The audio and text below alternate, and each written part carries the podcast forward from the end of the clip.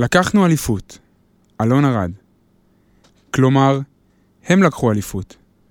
14 השחקנים שלבשו את מדי הקבוצה, והמאמן ועוזר המאמן וצוות ההנהלה, והמנהלה והאיש שמביא את המים, וההוא שמנגב את הפרקט ודאג שאף שחקן לא יחליק וייפצע, וההוא שמכר לו את המג"ב ואיחל בהצלחה, ודיר באלק, כי כל העיר צופה, ואנשי הגדר שהובילו את אוהדי חולוניה למלחמה, וכל אחד ואחת מהאוהדים האלה ששאג והפחיד, ושתל ספק בלב היריב, ואני, שצעקתי איתם מהיציע מלוא הגרון, ואבא שלי, שהביא אותי כילד לפחים למשחק הראשון שלי, והילד ההוא, שבסוף משחק האליפות העלו לפרקט והוא בכה, כי אבא שלו, שהביא אותו איתו למשחקים, נפטר במהלך העונה ולא זכה. אבל הילד זכה. אז בעצם אנחנו, אנחנו לקחנו את אליפות המדינה.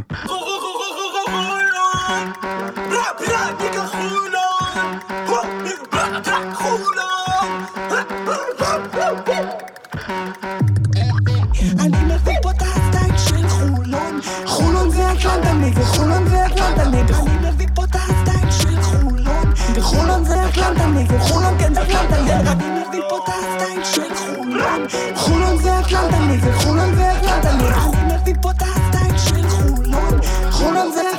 וחולון כן זה אטלנטני פרק 40 של פודקאסט הכל סגול, חתיכת ציון דרך.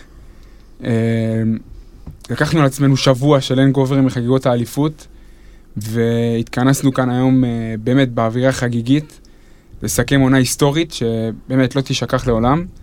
והתחלנו עם הטקסט הזה של אה, אלון ארד, אה, אוהד הכורסה המפורסם ביציע, באמת טקסט עוצמתי שמעביר יפה מאוד את התחושות שלנו לאורך כל העונה. אה, יש לו גם ספר, יתרון הביתיות, ספר שירה מצוין, אה, שאני ממליץ לכולם לרכוש. ובכלל, הוא עבר השנה ליציע C, והוא נותן תצוגות יפות ו- של עידוד, אני רואה את זה ממקור ראשון. מעבר לטקסט היפה הזה והאווירה החצי מרגשת שפתחנו איתה, שני הפאנליסטים באולפן, סתיו טבוך, שובל אהרונוב, מה שלומכם? איזה כיף לחזור. תגיד לי, יכול להיות יותר טוב מזה?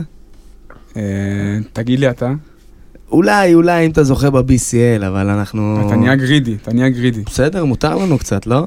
אה, רמזנו על זה בקטנה בטוויטר, אה, והנה הוא כאן איתנו, אקס מיתולוגי נמצא פה באולפן. אה, אנחנו עובדים איתו כרגע על קאמבק, אבל אתה יודע, כשחוזרים חזרה אחרי זוגיות ממושכת, זה משהו, זה תהליך הדרגתי, אני זה אופטימי אבל. נכון. לא... אתה אופטימי? כן.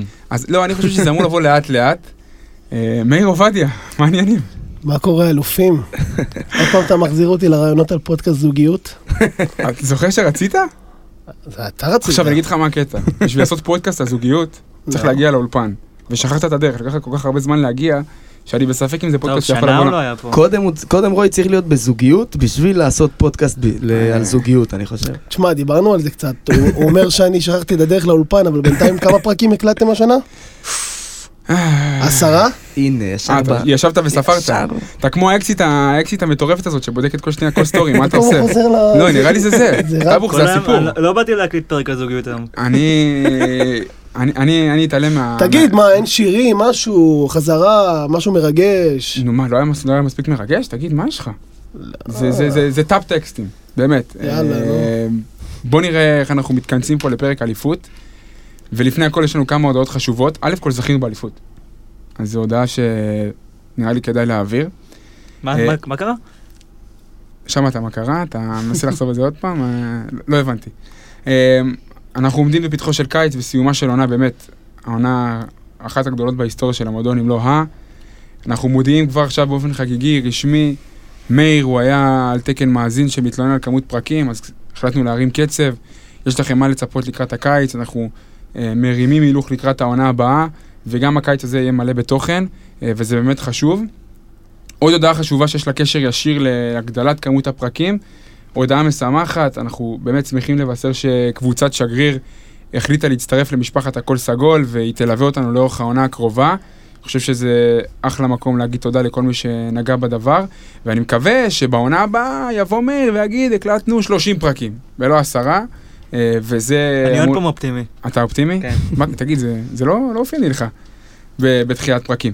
אז בואו, אה, אחרי סבב התודות והאיחולים והעקיצות ההדדיות והשירה היפה שקראנו, בואו נתחיל להסתכל רגע הפרק הזה יהיה בנוי בצורה של, כמו ציר זמן, אנחנו נסכם את הנקודות המרכזיות של העונה, ונתחיל מהסוף. משחק אליפות. אני חושב שאנשים כבר כמעט שכחו, כי זה באמת עברו כמה וכמה ימים, אבל ברמת האנרגיות, זה אנרגיות שליוו אותי כמה ימים. שוב, אבל היה שם משהו... היה חצי גמר נגד ירושלים בבית גם, היכל מפוצץ ותפאורה, והיה איזושהי אווירה של התרגשות, ובסופו של דבר הרגשת לחץ מהקהל, ובסופו של דבר הקבוצה הפסידה. משהו במשחק מספר 2 נגד הרצליה בבית הרגיש אחרת, הרגיש מאוד אותנטי. זה היה חוויה עוצמתית. מה, איך אתה ראית את זה מהיציאה? אני חושב שההתפוצצות אחרי הניצחון במשחק מספר 3 על uh, ירושלים, סוג של סימנה שכזה, עברנו את המשוכה הכי קשה שיכלנו לעבור העונה, עם כמה שהרצליה באמת... מבחינה מנטלית, קבוצה, כאילו, כן. באמת קבוצה מצוינת, הרצליה, אבל אתה שברת כל כך הרבה מחסומים מנטליים העונה, בסדרות, במשחקי חוץ, באמת כל כך הרבה דברים, שהסיומת הזאת למשחק בירושלים, משחק מספר 3, בארנה והכל, פשוט פיצץ את כל הדבר הזה, והבנת שמפה אין דרך אחרת חוץ מלקחת את האליפות. אני חושב שמה שהיה הלחץ במשחק מספר 2 שאתה מדבר עליו נגד ירושלים, שבאמת הרגישו את הלחץ, ואתה רואה את כולם, אני הייתי בעבודה לפחות, מסתכל על המחשב ועל השעון כל שנייה, רק יאללה, אני רוצה שיעברו הדקות להגיע למשחק. ובמשחק מספר 2 בזכייה באליפות, זה היה פחות עניין של לחץ, אלא יותר, בואו, אנחנו צריכים בואו לחגוג. אנחנו צריכים לעשות את זה, אנחנו צריכים לחגוג, וככה באמת ו- זה היה ב- ביציע. והפרט הכי חשוב, טאבוך הגיע עם נעליים סגורות. זה הוא... אתה רוצה להגיד למה? אמרת לי לפני אני המשחק. נעלתי נעליים כי ידעתי שאני אחגוג אחרי המשחק. אה, ידעת? ידעתי את זה מראש. כן, שובל תכף יתחיל עם פיד ניחוסים. מה הרגשתם על הפרקט שם מבחינת האווירה, האנרגיות? היה משהו או שאנחנו סתם עפים על עצמנו? תשמע, טירוף, כאילו, אין הרבה איך, לתאר מה שקרה שם. זה רגשות כאלה שעוברים וחולפים, ואז אתה גם לא יודע איך לש- לשחזר אותם. אמ, אווירה אולי מהמטורפות שהייתי בה ב... אי פעם בחיים שלי. אמ, כולם היו בטירוף, כולם לא האמינו עד איזה רגע מסוים. אתה יודע, כל אחד והרגע שלו, אבל במשחק האחרון, במשחק מספר 2, כבר איזה 4-5 דקות לסוף, שהתחילו החיבוקים על הספסל, כאילו משהו השתחרר, משהו ש... שהיה עלינו כל העונה, כל החצאי גמר, וגביע ווינר, ולא יודע, פתאום 60 נקודות במשחק, ותמיד יש משהו להגיד, ותמיד משהו לא בסדר, ואז אנחנו מסתכלים כאילו בפרצופים אחד של השני, כל החבר'ה הכוכביות, מסביב, וכאילו די, עשינו את זה, נגמר. וזה הרגע המדהים. אמרת נגמר, בוא רגע ננסה, ננסה לחשוב על איך זה התחיל. אה, כדי לסכם את העונה הזאת, אני באמת חושב שראוי לתת את, ה... את ההתייחסות הבאמת קצרה. לתקופה הראשונה, תקופה שעמד על הקווים אישיות אחרת. אישיות אחרת מהמון בחינות. ואם אנחנו מדברים על מסקנות ונרטיבים של העונה, אז אחת המסקנות מהעונה זה בעצם דברים שההנהלה, האוהדים, הקהל, לדעת לזהות DNA של מועדון ולא ללכת נגדו. ומאוריציו בוסקליה הוא מאמן אדיר עם רקורד ענק. בסופו של דבר דטס נוטש בקיץ שעבר, וההנהלה הולכת על מאוריציו בוסקליה, 180 מעלות מה, מה, מה, מהדמות שהוא החליף. כבר בשלב המוקדם היה אפשר לראות שהוא בנה פה תעשה כמו איזשהו ברקוביץ', 360. 360 מעלות. אתה- 540, סיבוב וחצי. אבל ראינו שהוא בנה פה איזה משהו שלא מצליח להתכנס לכדי, לכדי קבוצה הישגית. האם אתה יכול, מאיר, לזהות לי איזה רגע, איזה מומנט מבפנים, שאתה הרגשת באופן אישי, או שבמערכת הרגישו, שהמאמן הזה לא מצליח לסיים פה את העונה, הוא עושה דברים שאולי לא מתאימים. או שזה תהליך, אני לא יודע. זה תהליך. אמ, אני אגיד את הרגע שאני אני לפחות הרגשתי את זה, זה היה בקלוז', במשחק חוץ שהפסדנו בהערכה, אחרי שתי הערכות. אמ, היה איזה רגע כזה של שבירה, שפשוט זה מה שהרגשתי אני עם עצמי, ומה שהצלחתי להרגיש מהשחקנים ומהחבר'ה מסביב. אתה מדבר על, נראה לי, חודש לפני שהוא עזב, יותר מחודש. משהו כזה, אבל זה כאילו, זה כבר התחיל להיות באוויר הדבר הזה. התחלנו להבין ש... שאנחנו לא משחקים טוב, אנחנו לא נראים טוב, גם כשאנחנו מנצחים זה כאילו הבלחות. אנחנו מנצחים כי אנחנו טובים בהגנה, לא בגלל שאנחנו עושים דברים מיוחדים בהתקפה. אה, וזה זה באמת הרגע, אבל כן חשוב להגיד על, אה, על מאוריציו שהוא בחור סופר נחמד. יש לו מניות באליפות הזאת? ברור, לכולם יש. לכולם יש. מה מה לדעתך הפספוס הכי גדול שלו? הפספוס הכי גדול שלו היה חיבור עם הקהל, אני חושב שהוא גם מרגיש את זה. אה, היו ימים שהוא היה, הוא היה בא אלינו לצוות, לחבר'ה מסביב, ו- ושואל איך, איך מתחברים לקהל, כאילו מה עושים פה, מה נהוג פה. זה, צ- צריך להזכיר, זו פעם ראשונה שהוא מאמן מחוץ למדינה שלו. חוץ מהנבחרת כמובן, אבל זה המון לחץ, הוא כל הזמן מסתכל מסביב ובודק, ובוחנים אותו, והוא מרגיש את זה, אתה רואה שהוא הוא לא רגוע. זה לא זה- מאמן זה היה ברוגע. קריטי, מה מה הסיבה שהקהל לא התחבר אליו בעיניך? אז אני אומר, ק- לפעמים קצת קשה כאילו לקרוא את הבן אדם, אבל הכוונות שלו ו... ומי שהוא, הוא, נגיד, אני שמעתי אנשים שאומרים שהוא קצת שחצן או יהיר. זה הכי לא הבן אדם. הוא ממש ממש לא כזה, אבל כשמאמן נמצא במשחק, בלחץ, במדינה זרה, אז הוא לא חושב על הדברים האלה. הוא לא חושב על איך הוא הולך עכשיו ומתחבר עם הקהל, הוא לא חושב איך הוא... יש אלף ואחד דברים שחושבים עליהם, ומ- ומאוריציו, עם כל הדברים הטובים שיש בו, פוליטיקאי הוא לא. אבל הוא לא מעבר, פוליטיקאי. מעבר לפוליטיקה, אני, אני מבין את מה שאתה אומר, ואתה גם uh, חווית את הדברים ממקור ראשון. אני חושב, לעניות דעתי, שהסיבה המרכזית שהוא לא התחבר לקהל, אם אנחנו מדברים נטו במונחי חיבור לקהל, זה מתחיל ונגמר בפרקט. קהל מתחבר לסגנון, למה שהקבוצה נותנת. אני חושב שהסגנון של מאוריציו בוסקאליה זה לא סגנון, הוא בא איתו מהבית, זה מה שמאפיין אותו כל השנים, זה לא משהו שבחולון יכל לקנות בעבורו את אהדת הקהל. זה, אני- זה לא משהו שיכול להתחבר. אז אני אענה לך על זה. בטרנטו, שהוא אימן, הוא אימן שם המון שנים. הוא, לפי מה שהוא סיפר, הוא היה שם ממש כמו בן בית, והקהל אהב אותו, וזה ממש ריגש אותו, והכל.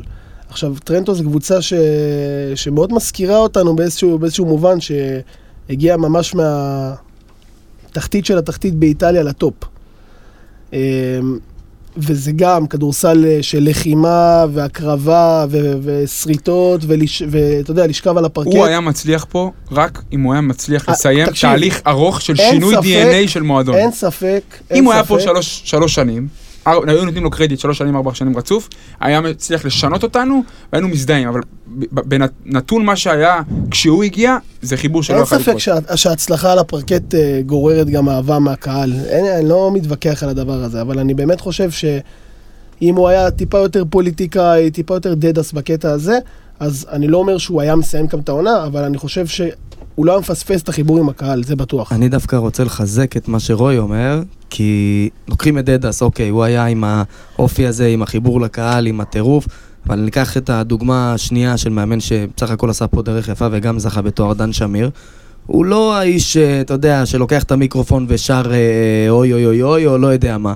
הוא יותר צנוע, אבל הקהל מאוד התחבר לכדורסל, היו לו רגעים עם לסגנון, הקהל, היו לדברים. לו רגעים שהוא הולך לקהל ומודה להם, אצל מאוריצו זה לא קרה. אצל מאוריצו זה פשוט לא קרה, גם כשניצחנו ב-30 הפרש. וזה לא קרה בגלל שהוא לא ידע או לא יודע, הוא פשוט, אתם יודעים, זה לא, זה לא הסטייל שלו. אנחנו, אני חושב שמגיע לו איזשהו אזכור של כבוד אה, בהקשר של האליפות. אה, זה לא התאים, ואני מגיע לנקודה הכי קריטית של העונה מבחינתני ומבחינת כולם. אנחנו מדברים על אה, תחילת חודש ינואר, מתחילים את הסדרה נגד בשקטש, וכשמדברים על, ה, על הנרטיב הזה שאליפויות לוקחים במשרד, באופיס, עם החלטות ניהוליות נכונות, אז ההנהלה של הפועל חולון הולכת בינואר על כל הקופה, עושה הימור אדיר, מפטרת את מאוריציו במהלך סדרה, אנחנו מפסידים משחק- למשחק מספר 1 בבשיקטש. זו, הסדרה נגד בשיקטש טייבוך בראייה הכללית הייתה הסדרה המכריעה שעיצבה את פני העונה כולה. אני מסכים איתך במאה אחוז, גם הזכרתי את זה באיזה טור שכתבתי בסוף עונה. Uh, המשחק הזה אולי היה הכי חשוב בעונה הזאת, למרות שהוא היה בחודש ינואר. Uh, גם בגלל העובדה שמאוריציו פוטר בסוף המשחק הראשון וגיא גודס מונה. Uh, וצריך לזכור איך זה הגיע. הרי למה הפסדנו את המשחק הזה, אפשר להגיד? בגלל שקייזר יושב על הספסל במהלך ההגנתי האחרון. החלטה נקודתית. אה, החלטה נקודתית שיכול להיות הייתה דוחה את המינוי של גודס בעוד כמה חודשים, או בכלל, אה, או ימים, לא יודע. יכול להיות גם גודס לא היה מגיע אם קייזר היה נשאר על הפרקט ו- ו- ועוצר בהגנה את אה, אייזאה ווייטהד. אייזאה ווייטהד. אה, מה שאירוני זה שבאמת במשחק השלישי בארנה, מי שהיה במהלך ההגנתי האחרון היה קייזר וחסם את ריברס. בוא'נה, אתה מרגש עם סג- הסגירות מעגל האלה, מה זה? נהיית סחטן לייקים. מה, מה היה משמעותי שם מבחינת, ה... מבחינת הסדרה? גם ההפעלה של סעיף 5, הכל היה נראה שם הימור אחד זה מטורף. היה פרק זמן של שבוע שהיה אולי המשמעותי ביותר בעונה הזאת. אז באותו חודש ינואר אנחנו, יש את גודס. עכשיו, גודס מגיע באמצע הסדרה, מהלך שבזמנו, גם דיברנו עליו וגם עכשיו בראייה של עונה, הוא הימור מטורף, הוא סותר את, כאילו, פשוט ללכת נגד הזרם, נגד מה שמקובל, אולי זה איזשהו סיר לחץ שפשוט ביעבע. והגיע, והגיע להתפוצצות, אז הולכים על כל מה ש... סעיף 5, כל הדברים שקרו אז באותו, באותו רגע, היה רגע מרוכז של תחושה של מהמרים על העונה. הולכים על כל הקופה. אז בימים הראשונים גודס מגיע למועדון מאיר, ומגיע למשחקי בכורה שהכל על הכתפיים שלו, והוא יודע שהעונה הולכת לכאן או לכאן. מה הוא עושה שונה באותם ימים ספציפיים בהתחלה, ש... שהצליח להכניס את הניצוץ? אז גודל השתדל באמת לעשות, לא לעשות כלום פשוט. זה מה שהוא, זה מה שהוא כיוון, לפחות בימים הראשונים. אה, הוא, הוא עבד הרבה עם, ה, עם השחקנים, יותר בפן המנטלי בראש, אז אם זה להגיע לעיגול באמצע בסוף אימון אה, ולשים ידיים, אז זה לא לשים הבית, אה, ידיים ולכת הביתה. אז הוא אומר עוד כמה דברים ומרים להם את הביטחון העצמי ומסביר להם ש, שיש פה בסיס טוב ויש פה קבוצה טובה. הוא גם אמר באחד האימונים שהקבוצה הזאת, שהוא ראה אותה משחקת במחזור הראשון נגדו. הוא אומר, אני בחיים לא ראיתי דבר כזה בתחילת עונה. והוא לאט לאט מחדיר את הביטחון חזרה בשחקנים. אז הוא פישט. עכשיו, זה, זה יותר ברמה המנטלית. ברמה המקצועית, כמו שאמרתי, הוא השתדל לא לגעת בסטים של אה, מאוריציו, בכל הסיסטם שהיה עד אז, שהוא היה קצת חורק. אז כן, מה שהוא היה, מה שהוא היה עושה, אולי יותר אסתטי. נגיד, לצורך העניין, יש לנו הרבה מאוד, אה, ב playbook יש לנו הרבה מאוד מהלכים שה pick and roll מגיע מהחצי פינה. אז אסתטי, הוא קצת הזיז את השחקן שמקבל את החסימה אולי לפינה, גם כל תוך מיני כדי המשחק הפתעות. נגד בשיקטש, בחוץ, הוא עשה את האסתטיקה הזאת. נכון, נכון, תוך יש, איזה תרגיל אחד ספציפי, שאם תשימו לב במשחק בחוץ ובשיקטש, המשחק הראשון שלו, אמ, היה איזשהו מהלך שרץ כל החצי השני. אותו מהלך, כן. שקייזר מגיע מחסימה, מבקפיק, מה... וזה לא אה, משהו שיעבדו באימונים, נכון? וזה, וזה משהו שממש, אתה רואה שהוא אולתר תוך כדי המשחק. זה חלק מהגדולה של גודס העונה, לפי דעתי, שהוא יודע לאלתר תוך כדי משחק. ובאמת אני זוכר שישבנו פה בחודש ינואר כשהוא חתם, ולא הצלחנו לפענח מי הוא בכלל גודס המאמן, מלבד העובדה שיש לו קשר מאוד uh, מיוחד וטוב עם השחקנים, וכמובן זה בא לידי ביטוי גם בחולון. השאלה שלי היא, מה, מה מייחד אותו באספקט הזה לפי דעתך? כמאמן, הוא, קודם כל, יש לגודס איזשהו, עיל- איזושהי עילה שהולכת סביבו, גם כשהוא מדבר, אז יש לו כריזמה לא מהעולם הזה. ואיך שהוא מדבר, ועל הדברים שהוא מדבר. קודם כל, בעיקר בקטע הזה, השחקנים ישר מאמינים לו, ישר בוטחים בו, ישר מרגישים שיש לאדם עוד alpha, alpha man, כאילו, שעומד לאדם, והוא היה הוא- במקומות האלה. הוא אלפא. הוא מנהל. והוא, והוא גם אומר את זה, הוא לא חוסך כאילו מה- מה- מהאמרות האלה, הוא אומר, אני הייתי איפה שאתם נמצאים עכשיו, אני יודע מה זה, אני מכיר את זה. אז זה גורם כבר לשחקנים, רק, ב, רק בראש, להתחבר לגודס, ולהבין שיש פה, יש להם פה עסק עם בן אדם שמבין עניין. עכשיו, על המגרש, מה, ש, מה שיפה בו זה שהוא כמו האלה בפשפשוק שמעלים uh, תמונה של רכב ואומרים 200 אלף אני גמיש. אז גודס הוא גמיש. גודס הוא פשוט גמיש, הוא קיבל פה, הוא קיבל פה קבוצה שהוא לא, הוא ב- קיבל- הוא לא בנה. קיבל אותו מתי? יש מצב, זה- לא, יש מצב גם שאם היית נותן לו לבנות עוד עשר קבוצות, זה לא היה דומה לקבוצה ש... שהוא קיבל. זה לא היה דומה. והוא פשוט מתח את איבריו כדי להוציא מהקבוצה הזאת את המיץ של המיץ. אני חושב שאמרת טבוך, שהוא הגיע, לא ידענו בדיוק מה מייחד אותו, וזה נכון. אני חושב שעכשיו, אחרי כל העונה הזאת, שראינו אותו חצי עונה, והפלייאוף, וה, והאירופה והכל, אני חושב שהוא מנהל משחק ברמה הכי גבוהה ש... מבחינת השתי המאמן תכונות הישראלי. הכי מבחינת גדולות שלו זה ניהול משחק ברמה וניהול הכי אנשים. מדהים, מדהים, השינויים האלה, על לרוץ עם הרכבים. טבוך, דיברנו בפרקים קודמים על הרבע השלישי, שהוא עולה מהמחצית ומשנה את המשחק. זה קרה גם במשחק האחרון נגד הרצליה, שהוא עלה ברבע השלישי, הוא פשוט רץ עם אותו הרכב 17, 18 נכון, דקות, משהו כזה, בחמש. נכון. שעבד מדהים. והוא רץ, ו- הוא רץ, הוא והוא לא רץ, חושב על הוא לא- מנוחות, בדיוק. לא רק אה, בפלייאוף, גם בעונה סדירה. נכון, ואני חושב שזה מה שמייחד אותו לגמרי, והוא פשוט עשה את זה מדהים. אפרופו הרבע השלישי, אה, באמת, אה, כמו ששובל הזכיר, שמנו לב במהלך העונה שזה בעצם אה, משהו שחוזר על עצמו, שאנחנו פשוט רצים ברבע השלישי וגומרים משחקים. השאלה שלי היא, למה זה קורה? כי יש את האסכולה הזאת של הדני פרנקואים, שמדברים עם השחקנים 13 דקות ואומרים, יוצאים מהחדר הלבשה חמים בלי להתחמם. וגודס לא נראה לי הוא כזה, אתה יודע להגיד איך גודס בעצם מתנהל בחדר הלבשה במחצית? כן, אה, האמת שזה נראה למי שרואה אותו מהצד מדבר, יש גם סרטונים שהעלו תוך כדי העונה, וגם יש את הסרט בבלבאו שייצא, ואתם תראו אותו מדבר ב live ב Final 4. אה, אתם תחשבו בהתחלה שהוא מגיע לחדר הלבשה והוא לא בדיוק מתכנן את מה שהוא הולך להגיד. הוא פשוט יוצא לו מתוך, כאילו, מתוך המעמד, הרגש. הזכיר לי פאנליסטים. אמ, אבל, אבל מי שבאמת מכיר את גודס, הוא יודע שכל הקטע המנטלי זה ממש עוד תחום אצלו באימון שלו. הוא, כשהוא מאמן, הוא גם מאמן מנטלי מבחינתו. והוא מכניס הרבה מאוד אה, מילים ו... ו... כמו מילות מפתח שהוא חוזר על עצמה, חוזר עליהם כל הזמן. הוא אומר את זה במהלך, ה- במהלך המחצית. אה, ודרך אגב, גם פה יש דיסוננס עצום בין אה, השיחות אה, של בוסקליה לבין השיחות של גודס. כי גודס הוא, הוא בשיחות, הוא מאוד טקטי, עובר ממש, הוא רושם על דף את כל הטקטיקה שלו למשחק. מספרים, מאוד חשוב לו הקטע הזה של המספרים. מבוסקליה? לא, אה, מאוריציו היה נכנס לחדר הלבשה, אה, באמת לא, לא איזה משהו מתוכנן שהוא הולך להגיד, פשוט מדבר עם השחקנים, מדבר על אה, קשיחות, מדבר על הדברים שחשובים לו, אבל לא מדבר אה, כדורסל. הבנתי. אה, ו... נדבר על passion. וגודס גודס מתחיל בכדורסל ומסיים בכל הקטע המנטלי. אז אה, דיברת על כדורסל. בואו נדבר רגע על מה ההתאמות שבאמת גודס עשה אחרי השבוע, שבועיים הקשים האלה שהיו לו בהתחלה, שלושה משחקי הדחה. איך באמת הוא שינה את הקבוצה הזאת מכדורסל אפור, שבאמת היה משעמם דקות מאוד ארוכות, למה שראינו גם במהלך הקמפיין האירופי ובסופו של דבר גם בפלייאוף. לסגנון הזה, מה באמת היו ההתאמות המרכזיות שהוא, שהוא עשה? תראה, שאלת פה שתי שאלות. לגבי התאמות, אם אני צריך לבחור שתי התאמות שהוא עשה במהלך העונה, ששינו את העונה, אז קודם כל, עצם זה שהוא החזיר את אדם סמית לחיים, ב... בעצם העובדה שהוא פשוט קיבל שחקן, שיש מצב שכנראה גודס לא היה לוקח אותו בקיץ, אבל הוא מבין שהבן אדם הזה צריך לקבל מבטים, צריך לקבל חסימות חזקות, צריך לקבל חופש פעולה והרבה בלאגן. הוא נתן לו את כל הדברים האלה והוא קיבל את אדם סמית בענק. אדם סמית, עם כל הכבוד לפניני, שיסלח לי, השלשה שלו בש... בבשיקטש אדירה, אבל אדם סמית הוא לא, לא פחות אדיר באותו ערב. והוא היה לו פחות או יותר גם. במשחק בית שזה- נגד בשיקטה הוא. כמעט החזיק אותנו לבד. אז נכון. זה הדבר הראשון.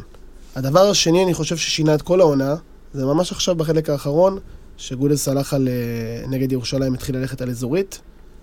מהרגע הזה, אני חושב שהעונה שלנו השתנתה, אתה יכול להסתכל כמה נקודות קיבלנו כל משחק. עצרנו קבוצות שקולות אולי הכי טוב בליגה, על אזור ה-70, 75 קצת. 70 ומשהו.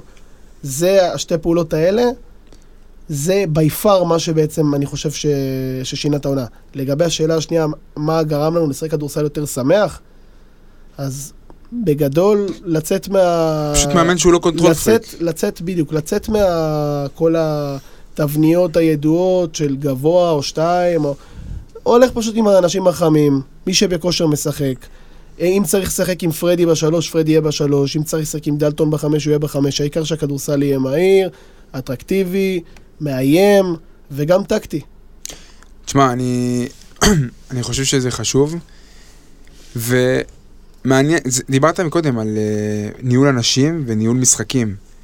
זה שתי תכונות מצוינות, אני חושב שההתאמה של גודס לחולון, כמה, בכלל, מאמן שיגיע באמצע העונה זה, התחוש- זה התכונות הכי נדרשות. מעניין יהיה לראות את גיא גודס עם סט תכונות, מבליט תכונות אחרות בסט שלו, אם הן קיימות, ברמה של לבנות מאפס, לגבש איזה משהו מאפס, לא לבוא, כאילו, ברמה של לבוא ולהתאים את עצמך למה שקיים, הוא כנראה הכי טוב שיש בארץ, בגלל שאיך האוזמן אומר, הוא לא אידיאולוג של כדורסל, הוא פרגמטיסט, סבבה. אבל מה יהיה כשצריך לבנות מאפס? תכף נדבר על זה.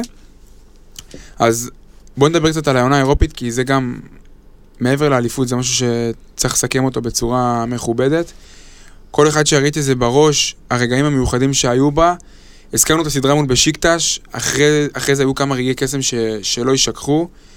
בטופ 16 הגרלה מאוד מאוד קשה, אה, והוכחנו השנה שגם משחקי חוץ לא מרתיעים אותנו, באמת כל מה שחשבנו, יושבים להם האביחי יצחקים של העולם וכותבים שלא ניצחנו בסדרות פלייאוף 200 שנה ומשחקי חוץ 700 שנה, והם צודקים כי אלה באמת הנתונים. זה דרך, דרך אגב, אני זוקף גם לעבודה המנטלית. כי הרבה פעמים נפלת במשחקים מנט... נכון, במנטליות, נכון. במשחקים נכון, האלה, נכון. ופה היה נראה כאילו גם בפיגורים וגם והעונה- בזה אתה מתעלה מעל. בראייה כוללת של העונה, בסדרות, משחקי חוץ, מאזן 6-0. 6-0 במשחקי חוץ. מדהים, וואו. מדהים, 6-0 מדהים, מדהים, מדהים. במשחקי חוץ בסדרות. בסדרות, זה זה הזוי. זה הזוי. אני, אני אגיד ככה ב, ב, בקטע שלי, איזה משהו על אירופה. אה, ה-BCL כמובן זה חשוב, ממשיכים, אין, אין, מה, אין מה להרחיב על זה את הדיבור כי כבר חפרנו, אבל שימו לב ל- לגדילה שלנו בתוך, ה, בתוך הליגה הזאת. ואם אנחנו מסתכלים קצת על אירופה, שמים לב איזה מועדונים הולכים אחורה ב-BCL ואיזה מועדונים הולכים קדימה. אז אנחנו כמועדון שבאנו קטנים לתוך הליגה הזאת במטרה לגדול בה, אנחנו גדלים ומתפתחים ומתעצמים, וזה מפתח אותנו בכל התחומים, בכל האספקטים של מועדון, ואולי מועדונים אחרים, כמו יריבתנו מירושלים, או אה, דוגמאות אחרות כמו במברג, מלאגה, דוגמאות חסר. כאלה, אנשים שבאו להרים את ה-BCL למעלה, ירדו למטה. כן. אז זה, זה, זה, זה נקודה באירופה, התהליך ממשיך, אין סיבה שלא נהיה חזקים בעונה הבאה. עונה שנייה ברציפות שבה שחקן חמישיית עונה של BCL חתום כבר לעונה הבאה באמצע העונה, זה הישג מטורף. אני באופן אישי, תכף תגידי אולי אתה מאיר, מה היה המשחק שהכי נהנית בו? המשחק שהכי סימן לך את העונה האירופית, אני מאוד אוהב את לוד, אני לא אמרתי את זה גם בפיינל פוד לפני כמה ימים, לודוויגסבורג בבית היה משחק חזק. היה משחק חזק, היה משחק עוצמתי, ואני... ואני מאוד... בבית או בחוץ? בבית, בבית. בבית, עם הרב- ארבע שלושות של מגי, מגי חזר, והרגשנו שיש לנו סיכוי לעשות משהו. יש לך איזה משחק באירופה שאתה מתחבר אליו במיוחד? כן, כן. גלת אסריי בבית. וואו. זה משחק שאחרי שניצחנו אותו, אני אמרתי, טוב, אם ניצחנו כזאת קבוצה, עם כאלה שחקנים, אנחנו יכולים לנצח כל קבוצה. זה משחק. שהוכיח לנו שאנחנו. חבורה זה של... אמר לך כבר בתחילת עונה. אני מסכים. כן, אבל הוא... זה משחק שהוכיח לי- אני אגיד לך מה הבעיה איתו. נו. שהוא רוב הזמן מסתלבט. מי אתה? לא יכול לדעת אם זה? היה- כאילו רציני הדבר הזה. יכול להגיד, "אה, אנחנו לוקחים אליפות ומסתלבט. אתה לא יכול באמת לדעת, אתה סבבה, הוא אמר את זה. נו ו... בסוף הוא יצא ענק. בסדר, שיצא אני- ענק. תפסו אותו גם במצלמה פעם אחת. הוא ישב ב- עם חיוך זחוח, עם כל המנחוס, הוא דפק את זה. אין דבר כזה, וואו, די, וואו, שחרר. וואו, די, אתה... אני... אני אגיד עוד משהו בגלת אסריי, פשוט גלת אסריי זה המשחק שהוכיח לי שאנחנו חבורה של אה, ליצנים שיושבים עם מיקרופונים. מה כי דיברנו שם? סקור נמוך לפני, סקור המשחק גבוה לנצח. אמרנו, אין מצב שאנחנו מנצחים עם סקור גבוה. בואו נעשה סקור נמוך, ניקח את המשחק ל-70-70 וננצח. כמה המשחק נגמר? 100, 190? לא יודע כמה הוא נגמר שם. קלענו 95 נקודות. כמו לחץ דם של חולי סוכרת. עברנו 90 נקודות. שמונה... עבר- 98, 98, כן. הזוי. ואם כבר באמת הזכרנו ניצחונות גדולים, אסור להוריד מהערך של הניצחון הביתי מול דיז'ון, אם אתם זוכרים. וואו. שפתחנו כולה, כל השחקנים היו עם מצבר מרוקן. כמה היה שם? מינוס 17? היה איזה 18-2 בהתחלה. ואז בעצם הגיע אדם סמית וחילץ את כולם, כמו שעושים החברים שלנו מקבוצת שגריר. נכון, וזה זמן טוב להזכיר שהפרק הזה והפרקים שיוקלטו במהלך העונה מוקלט בשיתוף עם החברים שלנו מקבוצת שגריר, ובכלל, נגמר לכם המצבר, אין צורך ללכת, לחפש, לקנות, החבר'ה של שגריר מגיעים אליכם עד הבית. אחד השירותים המרכזיים שמספקת שגריר בשגרה זה החלפת מצבר בבית הלקוח. אה, יותר ויותר לקוחות מעדיפים להשתמש בשירות הזה במקרה שבו הם צריכים להחליף מצבר. תקופת אחריות מורחבת של 24 חודשים.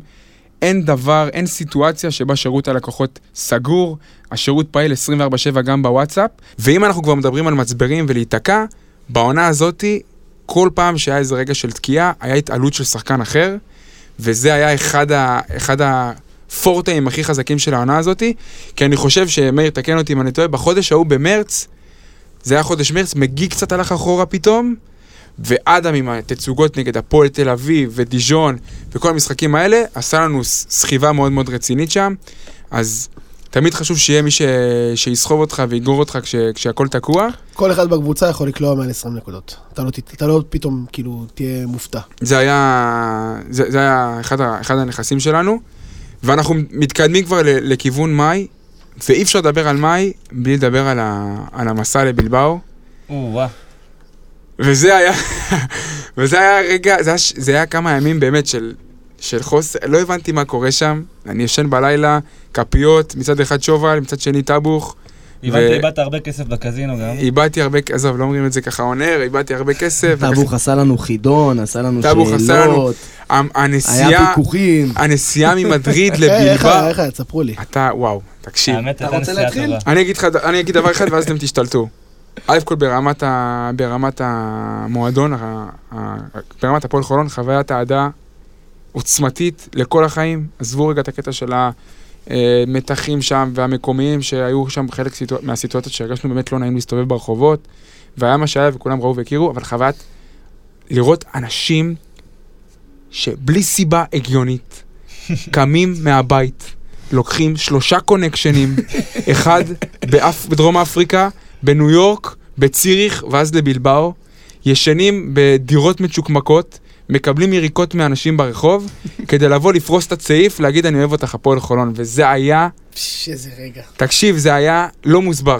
אני- והדבר הכי חשוב, bonding בינו לבינו. זה היה הדבר... העלאת קרנה של הפועל חולון באירופה, וחיבור בין שובה לטאבוך, זה היה... אני, אני רוצה לספר את הזווית שלי. אתה מג... קודם כל סגרנו את הטיס... סיג... טיסה, connectionים, לא יודע חבילת נסיעה של הכי שבורים שיש. היינו כולנו בצמצומים, סגרנו הכי זול שאפשר היה למצוא. הגענו, אני הייתי בטוח שישנים במלון בלילה הראשון. איכשהו הסתדרנו והכל, הגענו באמת, ובסוף אתה מגיע לשדה, אתה קולט שיש עוד מפגרים כמוך, שעשו אותו דבר. אתה אומר לך, אתה חשבת אתה לבד. אתה מגיע למדריד לילה הראשון, יוצאים, ישנים, הכל בסדר, אתה עוד לא מרגיש את האווירה הזאת, ואז אתה עושה נסיעה של ארבע שעות באוטו, עם אבי שהוא לא נמצא כאן, וחייבים להזכיר את אבי, ועם טאבוך, פה היה ה bonding. ואיך אתה שאתה מגיע לחור הזה של בלבאו, שאתה רואה רק ערים וסלעים ולא יודע מה למשך ארבע שעות, הדבר הראשון שאתה רואה מול הפנים זה חבורה של חמישה אנשים עם אה, קפוצ'ונים של הפועל חולון, עם צעיפים, עם חיוך הכי גדול שראית בחיים, ואתה מבין לאן הגעת פתאום, וזו ההרגשה הכי מטורפת שיש, כי כל משחק שנסענו, וכולם פה נסעו למקומות, ל- לירושלים ולחיפה ולזה, אין, אין דבר כזה. לא ברמת האירוע, לא ברמת האווירה, לא ברמת הביחד, שאתה הולך עם אלף איש וטירוף והכל. לא ברמת זה שאתה יושב לבירה באיזה כיכר ומגיע ג'וש בט, השדר נכון, של ה-PCL, ויושב איתך וצוחק ומצלם וזה. אין דברים כאלה. אני באמת חושב שזה חוויה לכל החיים, אני מקווה שנגיע כמה שיותר ונגיע עוד לפיינל פור ונצליח לעשות את ההישג הזה, אבל זו הייתה חוויה שבאמת אין דברים כאלה. ומילה קצרה, מבחינת כדורסל, נכון, עצם ההגעה לפיינל פור, הישג מטורף, עזוב, מכירים את הטקסטים, מכירים את הכל, הפיינל פור כשלעצמו, לא הצלחה מקצועית. לא, טעויות, כאילו, טעויות ברישום לדעתי בשני המשחקים, אה, היה שם חוויה קשה, בקטע המקצועי, ו... אבל, אבל ב, ב, ברמה הכללית עפנו קדימה כמה רמות. אנחנו מדברים על החוויה שלנו, אבל uh, יש לנו פה נציג שהיה עם, עם הקבוצה ב- במסע המשוגע הזה, ואנחנו רוצים לשמוע את הזווית שלך. בלבאו היה חלק, חלק מעניין ממש בעונה הזאת. כל האירוע מלכתחילה, אתה מתכונן אליו איזה שבוע וחצי, שבועיים אחורה, יום-יום, אם זה לעשות את זה, לעשות את זה, אלף ואחד דברים שלפני. ואז כשמגיעים, אז אתה, מרוב שאתה מחכה לזה, אז אתה כבר באיזשהו חלום, ואתה לא מבין שהימים עוברים. אתה, אתה, אתה לא מעכל את זה פשוט, אתה נכנס למלון, ואתה רואה את ה... כאילו באמצע איזה חור בספרד, הסמל של הפועל חולון על המעליות וכל מיני מקומות במלון, ו- ופתאום אתה יורד עם שרמדיני במעלית לאכול ארוחת בוקר, תמיד זה, נשמע כיף. הוא נכנס במעלית? הוא נכנס מכופף כזה, כמו שהוא הולך תמיד. מי לא, ניסה לדבר איתו שם? אבל לא, אבל שרמדיני ופניני... הם תגיד, איך נתנו לו ב-BCL לעלות לטקס חמישיית העונה עם ה outfit שהוא לבש? איך נתנו לו? היה עוד אחד שהגיע עם האמת ה outfit. שיש לזה אה, סיפור מצחיק. אה, יצאנו מארוחת בוקר, והוא כנראה לא ירד לארוחת בוקר. יצאתי עם פניני, ואז, אה, ופניני כאילו מדבר איתו שהוא רואה אותו, כי הוא חבר שלו. אז אני, אז כאילו פניני שם כופתרת וזה, כולם התלבשו יפה. שרמדיני מגיע. ואז אני, ואז שהמדהים מגיע, אני רואה אותו יוצא במעלית, ואני מסתכל פניני, אני אומר לו, תראה, הנה חבר שלך. הוא מסתכל עליי ואומר לי, הוא לא בהכרה. אבל הוא הכי, ואז הוא אומר, אבל הוא הכי חמוד שיש. טוב, אנחנו באמת הגענו כבר לשלב מתקדם של העונה, ואני חושב שזה זמן מעולה לדבר על הפיל שבחדר. אה, והשינוי המשמעותי ביותר שראינו שחלט זה שחקן תוך כדי עונה. אתם יודעים על, על מי אני מדבר, אני מעריך? ברור, על... אה, על אה, טל. סטיב זאק. אה, אוקיי. לא, על- על ג'ו רגלנד. אנחנו לא אוהבים פה לדבר באוויר, כמו שאתם יודעים, ואנחנו אוהבים לגבות את עצמנו עם מספרים. אז באמת עשיתי השוואה בין התקופה עם בוסקליה לתקופה עם גודס. אז אה, עם בוסקליה, ב- אם אני מסתכל במשוקלל, ליגה ו- וליגת אלופות, ביחד, כן. ביחד היו לו קצת יותר מ-11 נקודות וקצת יותר משבעה אסיסטים. עם גודס המספרים שלו קפצו ליותר מ-14 נקודות וקצת יותר משישה אסיסטים. נזכיר את הממוצעים של שנה שעברה עם בית מאוד. נכון. אז כמו שאנחנו רואים עם גודס, המספרים מבחינת ה scoring והנקודות קפצו. בטח גם אחוזים בגלל בחוץ. הפלייאוף, שבפלייאוף בכלל הוא התפוצץ. הוא הרים את עצמו, כן. אה, ואותי דווקא מעניין מה יש לחבר שובל אהרונוב להגיד על זה, אחרי שהוא שלח את אה, ג'ו בפברואר, בפברואר, לא עכשיו באוקטובר, אבל נראה לי שהוא לא היחיד. בפברואר הביתה. תתבייש. נראה לי שהוא לא. היחיד. תראה, אתה אמרת בעצמך, ויש גם את הנתון הזה שהקרינו בזמן המשחק, ודיברו עליו גם אחר כך, במשחק האחרון, שבעונה הרגילה הוא היה מקום אחרון בפליס, בפלוס מינוס בקבוצה, ובפלייאוף הוא הוביל את כל הליגה בפלוס מינוס. עכשיו, כולנו ראינו מה הוא עשה, הוא היה באמת בלתי ניתן לעצירה. אתה יודע. מה זה אומר?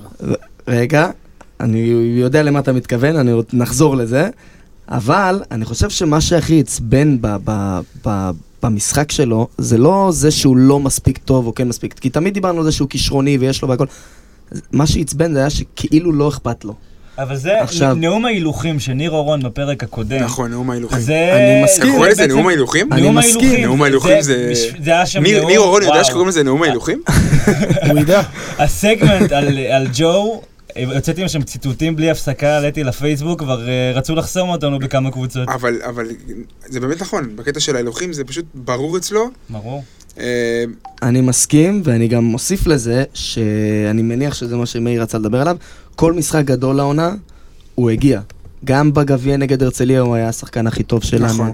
וגם ב-BCL, ברגעי לא מסכים איתך. האמת. לא מסכים. למה? תן אני חושב שכל משחק חשוב לא. הוא הגיע. תשמע, לא לא בהכרח 30 למשחק- נקודות, אבל הגיע. יצאנו למשחק- למשחק עם מאוריציו אה, בירושלים, חטפנו 20.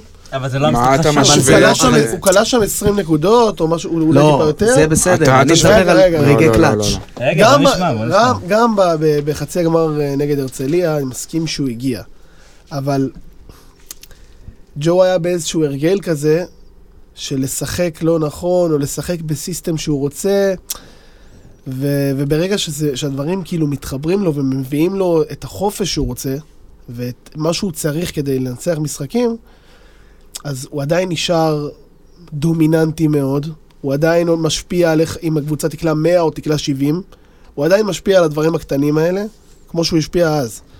אבל הוא פשוט הופך את האחרים ליותר טובים, הוא הופך את עצמו ליותר טוב, הוא הופך את הקבוצה ליותר טובה, ואתה רואה את זה כאילו בכל, בכל נתון שתחפש. אבל ראינו דווקא כשהוא התמקד בסקורינג, בפלייאוף, אה, הקבוצה הייתה יותר טובה. כן, אבל uh, היה גם, לפחות בסדרה האחרונה, חצי ראשון בשני המשחקים, הוא התמקד יותר בלהכניס את החבר'ה לידו נכון, למשחק. אבל, אבל מסירות, רוב, אסיסטים. רוב התקופה בפלייאוף, זה, זה סך הכל שמונה משחקים, הוא התמקד קודם כל בייצור נקודות. תקשיב, אני אגיד לך משהו על ג'ו.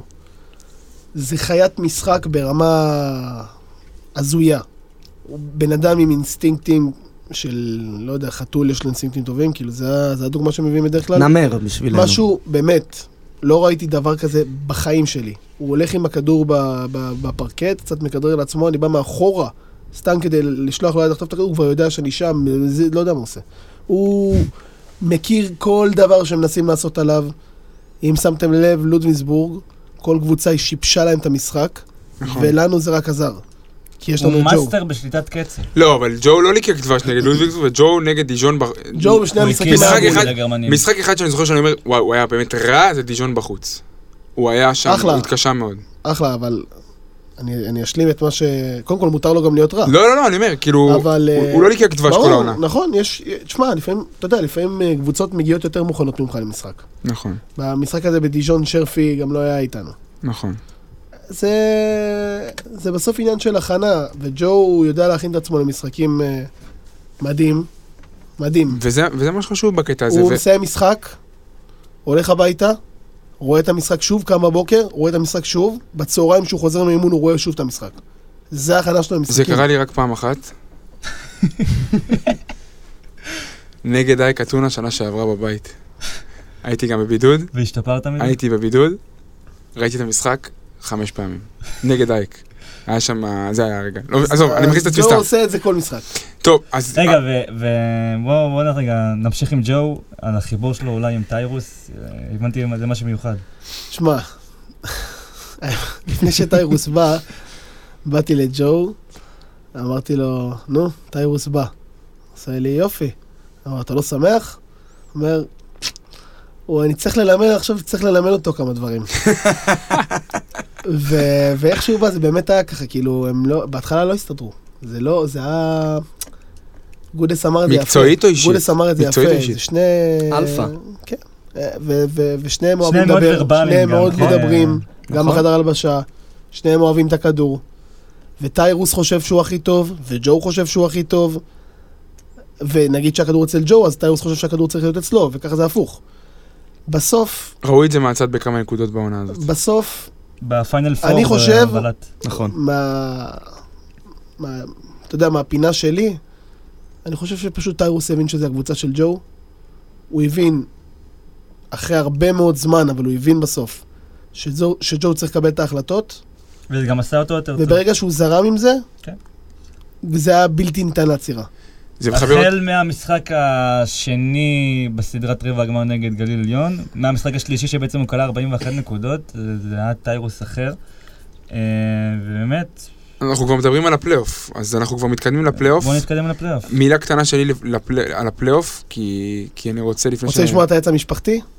איזה עץ משפחתי? תספר. יש עץ משפחתי. הרי למה ג'ו וטיירוס רבים כל הזמן? נו.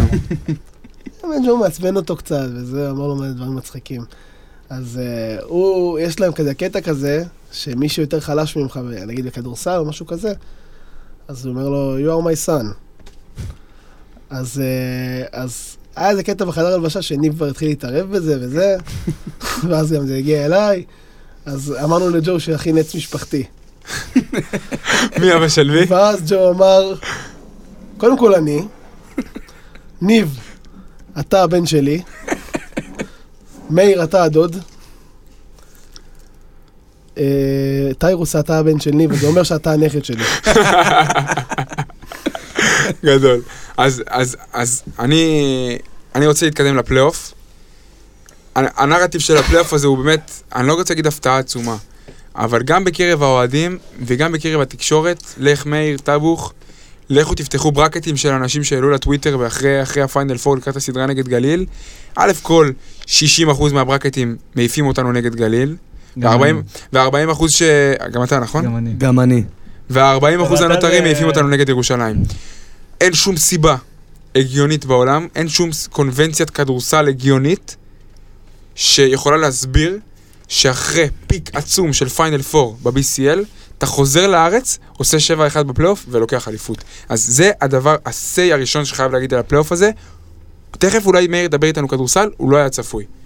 באמת, כאילו, אנחנו, לאורך כל העונה הזאת, במסגרת המקומית, הרגשנו קצת תחושת חמיצות, כי זה גם בא לידי ביטוי, סיימנו מקום רביעי בעונה הסדירה, ובאמת במשחקים נגד המקומיות, לא, לא הבאנו לידי ביטוי את היכולת שראינו גם באירופה. אה, וזה בעצם מה שהפתיע כל כך, ואני רוצה לשאול אתכם, מתי הרגשתם שבאמת אפשר לזכות באליפות? נקודה לתת רגע, זה פשוט הרגע שאמרתם, וואלה, אפשר. נו, אז אני הזכרתי את זה קודם, אחרי הניצחון ב... נגד ירושלים. רק שם. שם ידעתי שנזכה. לפני זה, כשהגעתי לירושלים, פחדתי קצת מהמיסמץ', הייתה לי תחושה גם עם הביתיות שלהם, ארנה, זה, הייתה תחושה שהיא קצת הססנית. אני חושב שאחרי המשחק הזה, עם הרצליה, שבאו באמת קבוצה נהדרת העונה, ואונוואקו ובאב וכולם, ידעתי שאם אתה מנצח פעמיים בארנה, מנצח משחק כזה, משחק שלישי שם, אי אפשר לעצור אותך, אז... לא משנה את מי תביא, גם לברונים יהיה בהרצליה. אז אני, אני, אה, אנשים אולי לא יאמינו לי. אולי אני אצא פה קצת אה, זה. אוקיי. הרגע הראשון שהבנתי שאפשר לקחת אליפות זה אחרי מספר, משחק מספר 1 בהרצליה. בהרצליה. כן.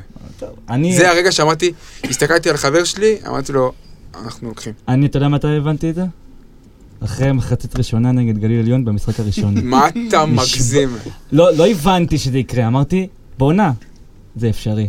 מה גרם לך שם? מה... קודם כל, מה מי זוכר בכלל מה היה שם? הגעתי לפלייאוף באווירה שאנחנו לא עוברים את גליל עליון. ואחרי המחצית הראשונה הייתה לי תחושה שמשהו פה מתחבר, משהו מיוחד. היה, אה, היה, ניצחנו שם כמה שלושים? היה שם איזה רגע. מאיר, מתי אתה? אנשים לא האמינו לי. אבל במשחק הראשון נגד ראשון של העונה האמנתי. לא, באתי להגיד במשחק אימון בנס ציונה. סתם, סתם, סתם. אמ, יצאנו למשחק חוץ בכפר בלום, ניצחנו שם עם הסלים של טיירוס, שמה? שם אמרתי, העסק פה גמור, יש פה קבוצה שיכולה לקחת אליפות. אני רוצה לתת נקודה, דיברתם על הפיינל פור של ה-BCL, שאחרי ה peak הזה והירידה והכל, אני חושב שדווקא ההפסד שם, וזה שמקצועית, הדברים לא דפקו שם, דווקא הביא יותר מוטיבציה ל- לחלק מהשחקנים כן בליגה לבוא ולהראות יש מצב שאתה צודק, שהם אבל... פה בעלי הבית. נכון, יש מצב שאתה צודק, אבל על הנייר היה את כל הסיבות ליפול. היה את כל הסיבות ליפול אחרי הפיינל פור. אמ, אולי עוד איזה משהו מקצועי על הפלייאוף, משהו שראיתם, כדורסל פשוט, אני... הולכים ל five out, spreading, כאילו, הכי basic. סטיב זאק, החלטה שיחק- מדלטון שיחקה את עצמה בגדול. אני מאוד אוהב דלטון. אני מדבר על החלטה בגמר, שתי- חצי גמר זה היה כפוי. כן. ההחלטה בגמר, אני חשבתי אה, שזאק עדיף, בגלל ה size של אונואקו, וזה התברר כהצלחה גדולה. תקן אותי מאיר אם אתה יודע, אם אני טועה, אני חושב שהייתה גם החלטה אה, להוציא את אונוואקו כמה שיותר מהצבע.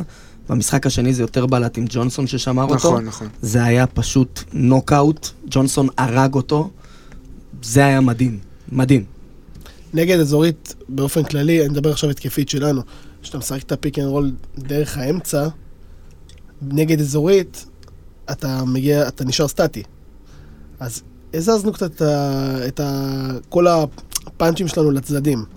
ואז פתאום זה הביא את מצב, הם מביאים מצב שאונואקו קצת יוצא החוצה, כי הוא חייב לעשות, כי אתה יודע, להראות את הידיים שלו. נכון. בשל, בשלב הזה, ג'ו כבר ידע איך לתקוף אותו. זה היה... זה היה הקטע המקצועי שניצח את הסדרה? לא, לשבת. לא רק, אבל כאילו, זה היה עוד- ממש, עשינו את זה ממש טוב. אני רוצה, אני רוצה לגעת עוד בעוד נקודה, חייב, חייב להתייחס לסדרת גמר. נקודה אחרונה לפני שנתקדם קצת קדימה לעונה הבאה. מה היה, מאיר, בטיפול בקריס באב, שעבד כל כך טוב? הבן אדם, אמרתי את זה בפיינל פור בפרק ש- שהתארחתי, היה לא קשור אתה לאירועים. זוכר מה אמרתי לך לפני הסדרה? אמרת ב space, אז אני מרים לך להנחתה, כן, קח היה את הקרדיט, מצוין. אני אומר לך on air באולפן, תנצל את זה, תגיד מה היה.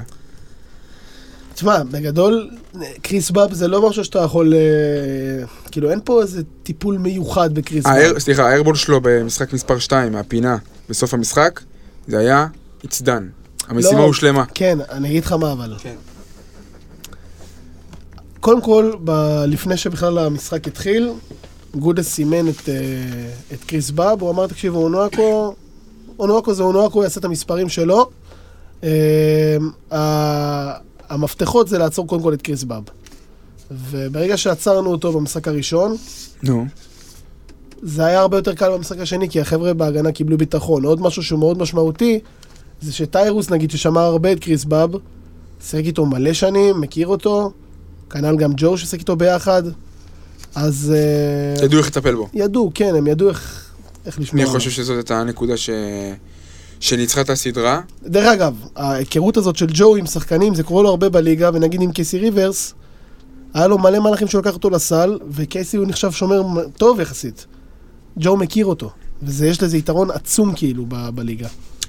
אז uh, אני קם בבוקר מר- מרפרש את הטוויטר, וג'ו קם בבוקר מרפרש את האינסטאט. זה, זה ההבדל. הבנתי את ההבדל. טוב, uh, בסופו של דבר, סדרה מצוינת, uh, מבחינה טקטית, משתקים את נקודות החוזקה של הרצליה. הנקודות שאנחנו רצינו לשתק, הצבע שלהם היה עדיין דומיננטי ומאוד... uh, ו- ו- ונתן שם את הטון ב- ב- בסקורינג. מניפים צלחת אליפות, בואו נתחבר חזרה לתחילת הפרק, ערב מדהים, באמת, מבחינת העוצמות והאנרגיות, אליפות שנייה בתולדות המועדון. מחר אה, נשיר אה, בלבלי אותו, אה, עד ש... איך איך הולך השיר? בלבלי אותו? אל תעשי לו אל חשבון. תעשי לו חשבון, כן, יחד עם קובי פרץ. בוא רגע נעזוב את החגיגות מחר, נסתכל רגע, על... ה- מי- עוד בארץ? ג'ו בארץ, קייזר דחה את הטיסה במיוחד כדי להישאר וואו, לחגיגות. די! טיירוס ראיתי באינסטגרם. טיירוס נשאר פה בינתיים. אה, פרדי, שעבר ניתוח ביום ראשון. הישראלי מן הסתם. לא, ישראלים, כן. אה, אז דלטון זר. אתה יודע, הטקסט- לא, דלטון עזב, זק כבר עזב, עזב. וקריס. אתמול. אה, קריס עזב גם. אה, ואדם. זהו, נראה, אדם גם עזב. אני חושב ש... אני מאוד אוהב את הטקסט של אלון ארד, בגלל זה פתחנו איתו את הפרק, אבל אם הייתי אומר כזה, בלבל לי אותו.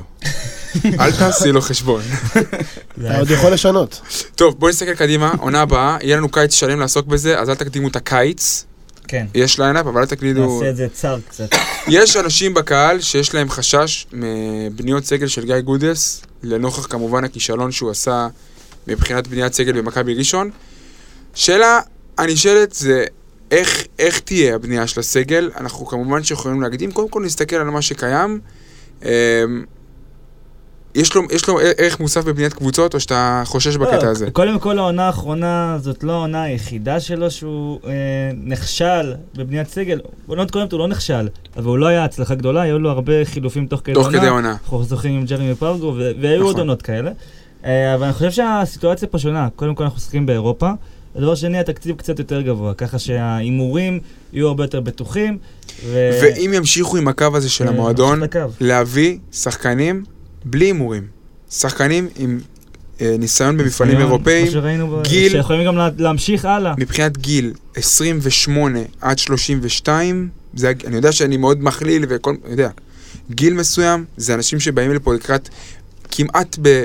קצת אחרי ה peak או ב peak של הקריירה שלהם, שגם, כמו קריס ג'ונסון כזה, שאתה בסופו של דבר כן יכול להשאיר אותו, זה לדעתי המיקוד של ה scouting צריך להיות. ואם אתה מדבר על גיל, אה, בוא נדבר על אה, שחקן שיש לו וואחד גיל, על גיא פניני.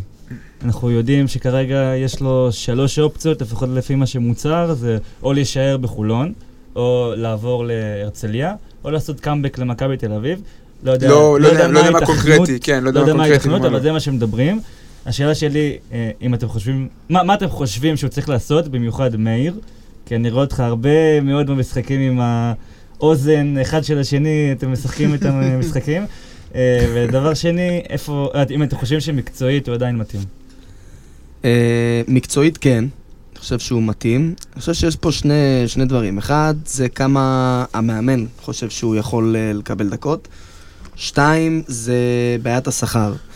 אה, גיא פניני, אני לא יודע כמה הוא ישראלי מוביל שיכול לתרום הרבה באירופה, והכל בעיקר פונקציה של ש- בהגנה. והכל פונקציה של שכר כאילו? כן, לדעתי, עוד פעם, אני לא יודע מבחינת זה, אני אומר שאם הוא, הוא יקצץ קצת, אם המאמן גם, זה, זה ש- אחד ושניים. גם קצת לקצץ, גם המאמן שיגיד לו שהוא בונה עליו, אה, כשחקן רוטציה לגיטימית. אבל אנחנו יודעים שלא.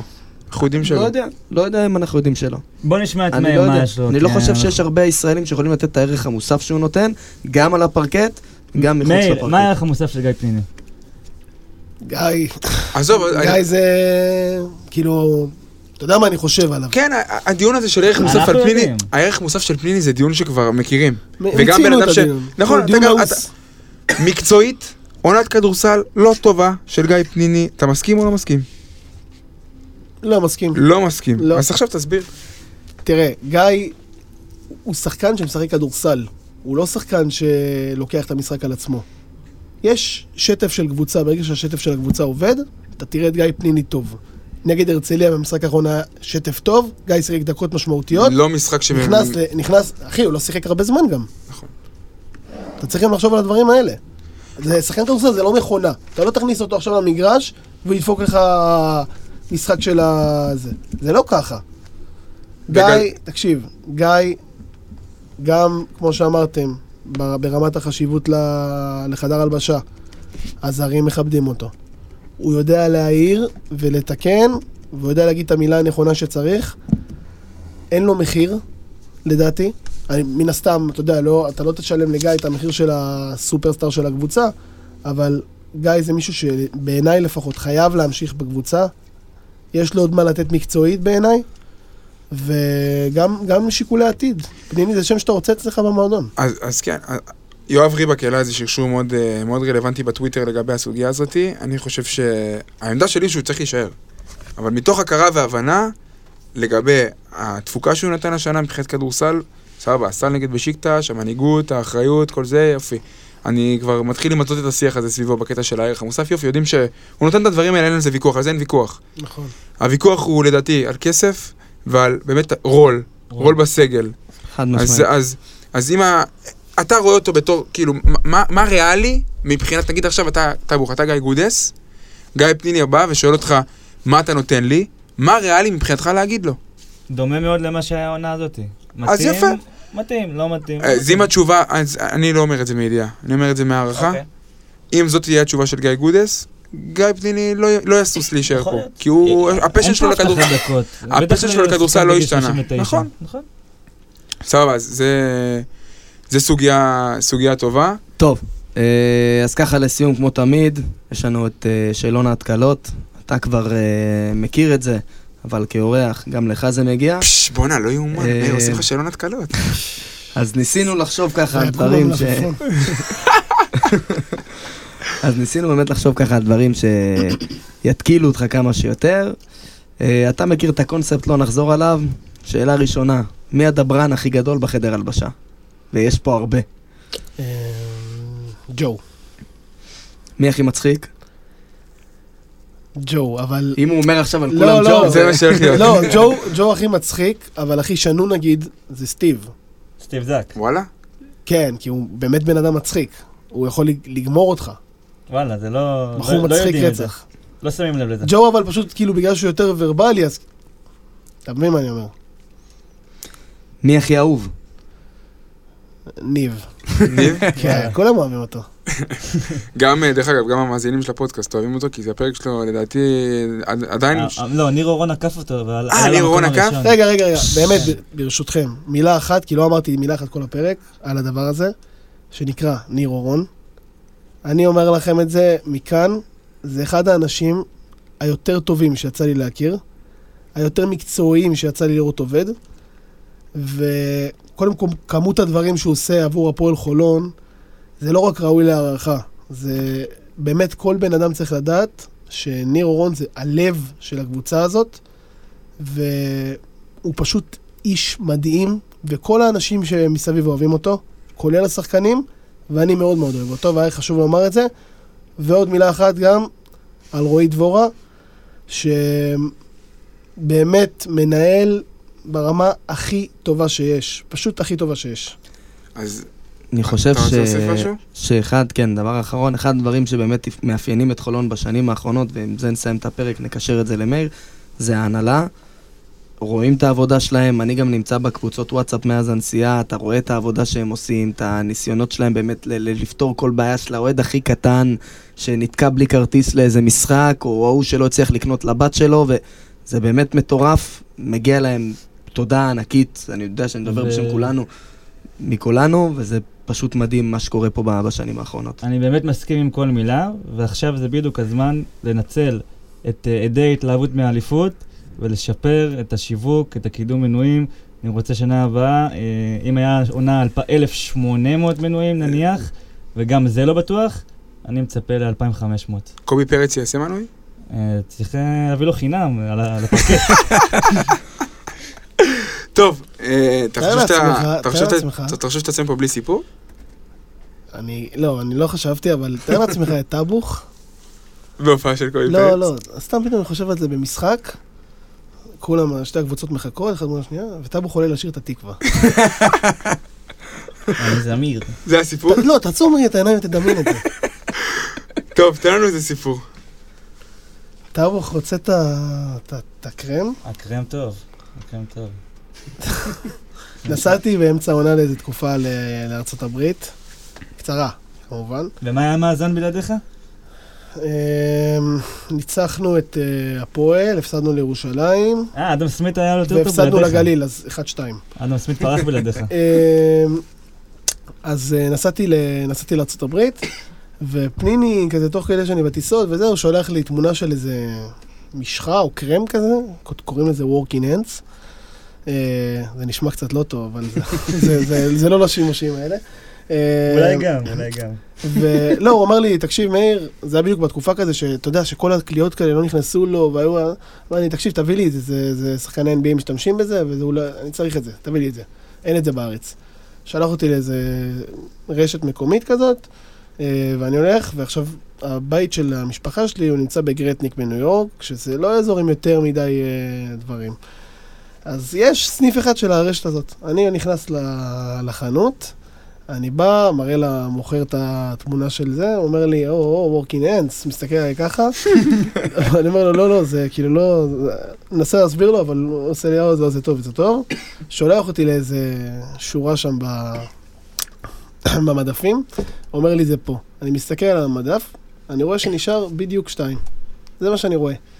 עכשיו, איך אני בא לשלוח את היד? איזה אישה מבוגרת, בום, שולחת את היד גם.